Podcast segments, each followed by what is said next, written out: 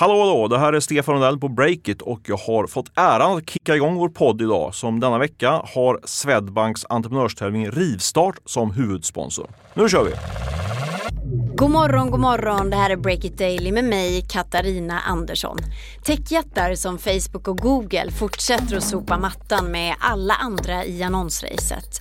Men nu vill Coops marknadschef hjälpa till att rädda nyhetsmedierna. Han har ett förslag på kravmärkta annonser mot fake news. Och i USA köper techmiljardären en ikonisk tidning för att sprida positiva historier.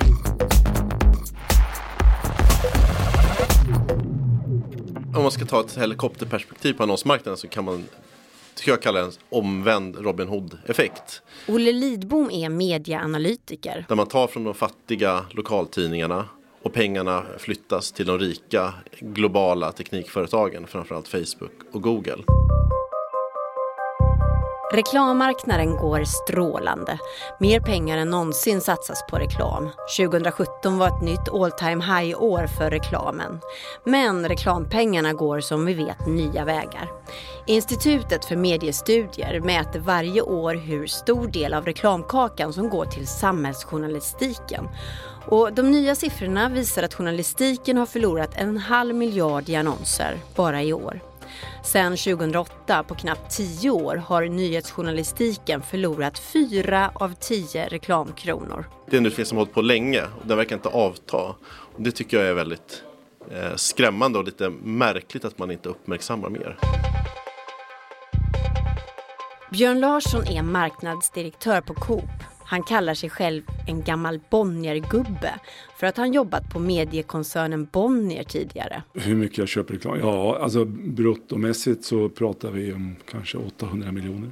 På Coop sitter Björn Larsson på en jättereklambudget, 800 miljoner om året. Och nu har han ett förslag till journalistiska medier som inte kan locka till sig annonspengar. Vi har ju många leverantörer till Coop då, som säljer kyckling och säljer köttfärs och vad det kan vara för någonting. Och det är svanmärkt eller det är kravmärkt eller någonting annat. Så kan man väl tänka på samma sätt med annons. Vi vill annonsera för våra varor och kan säga att den här annonsens kostnad går 17 procent till journalistik. Så en liten märkning då, märkning. som ett signum? En märkning, ett signum. En, en eh, fair annons som vaccinerar dig mot, mot fake news. Tror du att man kan få reklamköpare att absolut. tänka som du? Nej men absolut. Men du säljer i grunden alla varor, produkter och tjänster du säljer idag börjar innehålla ett emotionellt mervärde som handlar om hållbarhet i olika dimensioner. Så det är klart, varför skulle media och journalistik stå utanför det? Snart så ska vår reporter Erik Wisterberg såga Coop-chefens förslag. Och så ska vi prata om techmiljardären som köper anrika Time Magazine för att, som han säger, sprida positiva budskap. Men först, här kommer en liten annons. Vi vill ju tacka våra sponsorer som hjälper oss att göra den här podden. Hallå, hallå! Stefan Lundell här, medgrundare på Breakit. Den här veckan sponsras vi av Volkswagen Touareg. Och jag ska vara helt ärlig, jag är inte den som har stenkoll på allt som rör min bil. Men jag älskar innovation, nya smarta lösningar och framför allt, jag är faktiskt otroligt mån om säkerheten när jag kör.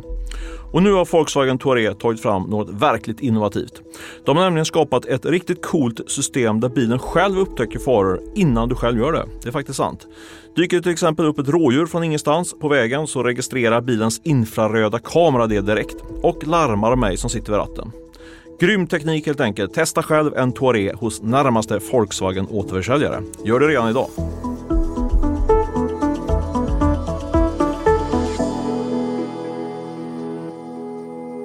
Erik Wisterberg, vad tycker du om det här förslaget? Om man nu kan sälja kyckling för att kycklingen har levt ett bra liv innan den blev filé, kan man sälja annonser i journalistiska medier på samma sätt? Mm, jag tänker lite så här. Vem har råd att köpa en sån här gårdskyckling för 119 kronor istället för en som kostar 29? Men det är folk med mycket pengar, liksom hipsters på Södermalm. Mm. Medvetna människorna. Men Björn och har ju mycket pengar. Björn är ju precis den där personen. Han sitter på Sveriges, en av Sveriges fetaste reklambudgetar. Och det är klart att han kanske har råd att lägga några miljoner kronor på det här. Mm. Men jag tror att det vi ser i siffrorna det är att folk får ju en väldigt bra effekt när de använder Facebook och Google och pengarna söker sig dit. Så jag tror att det här kanske kan bli en liten nischgrej som får marknadschefer att känna sig nöjda men jag tror inte att det kommer vara journalistikens räddning. Men samtidigt så har vi ju sett att folk faktiskt börjar köpa miljömärkta produkter och så vidare. Kan man inte tänka på samma sätt ändå? med journalistik. Att här får du en bra produkt, vaccinera dig mot fake news, bättre demokrati och så vidare.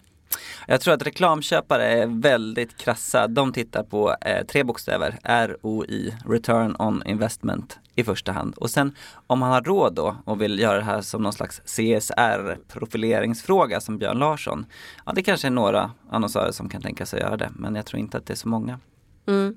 Så vad ska journalistiken och nyhetsmedier leva på framöver om det går så här? En halv miljard varje år back? Förhoppningsvis kommer de skapa en så attraktiv produkt så att folk vill betala för den och där kan vi se Dagens Nyheter till exempel som har satsat stort på att värva in duktiga journalister och göra genomarbetade jobb. Att de hovar in nu eh, mycket pengar på digitala prenumerationer. Och vill man inte vara beroende av någon annan då ska du ju helst få eh, publiken att betala för din produkt. Men sen har vi också sett i USA till exempel hur miljardären, techmiljardären Jeff Bezos på Amazon köper Washington Post. Mark Benioff på Salesforce köper nu då Time Magazine. Det här är ju miljardärer som ändå tycker att det här är viktigt. So Mark, uh, unexpectedly you bought Time Magazine. Can you explain that? I was sort of shocked. Och jag lyssnade på en intervju också med Kara Swisher på Record som pratade med Mark Benioff. Och då säger ju han att han vill använda Time Magazine för att sprida positiva historier. Det lät så här. And that, you know, this ability to have a positive global impact with Time was kind of unprecedented. It's such a it's such an iconic and historic brand, you mm -hmm. know, and the ability to tell stories with it that can create so positive change. Create positive change Men att köpa en sån här prestigetidning, eh, ja det har blivit hett bland amerikanska miljardärer. Vi har faktiskt sett det även i Sverige där familjen Axon Johnson tidigt gick in och backade Fokus som är en slags svensk motsvarighet till Time då. Just det. Men eh, det får väl framtiden utvisa om liksom vi ska gå tillbaka till någon sån här system med messanater som är liksom förmögna män som har eh, tidningar som de äger för att eh, de tycker att det är bra. Eller om liksom journalistiken som produkt ska bära sig själv, även i en digital miljö. Ja, det vore ju trist att, att vara avhängig välgörenhet så att säga. Ja, och sen i Sverige så har vi inte så många sådana så riktiga prestigetidningar. Eh, utan det är ju kanske DN och Fokus och några till som har här, den här auran som kanske en techmiljardär vill åt i så fall. Så du ser inte framför dig att Daniel Ek på Spotify kommer köpa ett mediehus framöver? Nej, det tror jag inte finns på kartan faktiskt. Och med det så är Break It Daily-veckan slut. Vi är tillbaka på tisdag igen, lyssna då.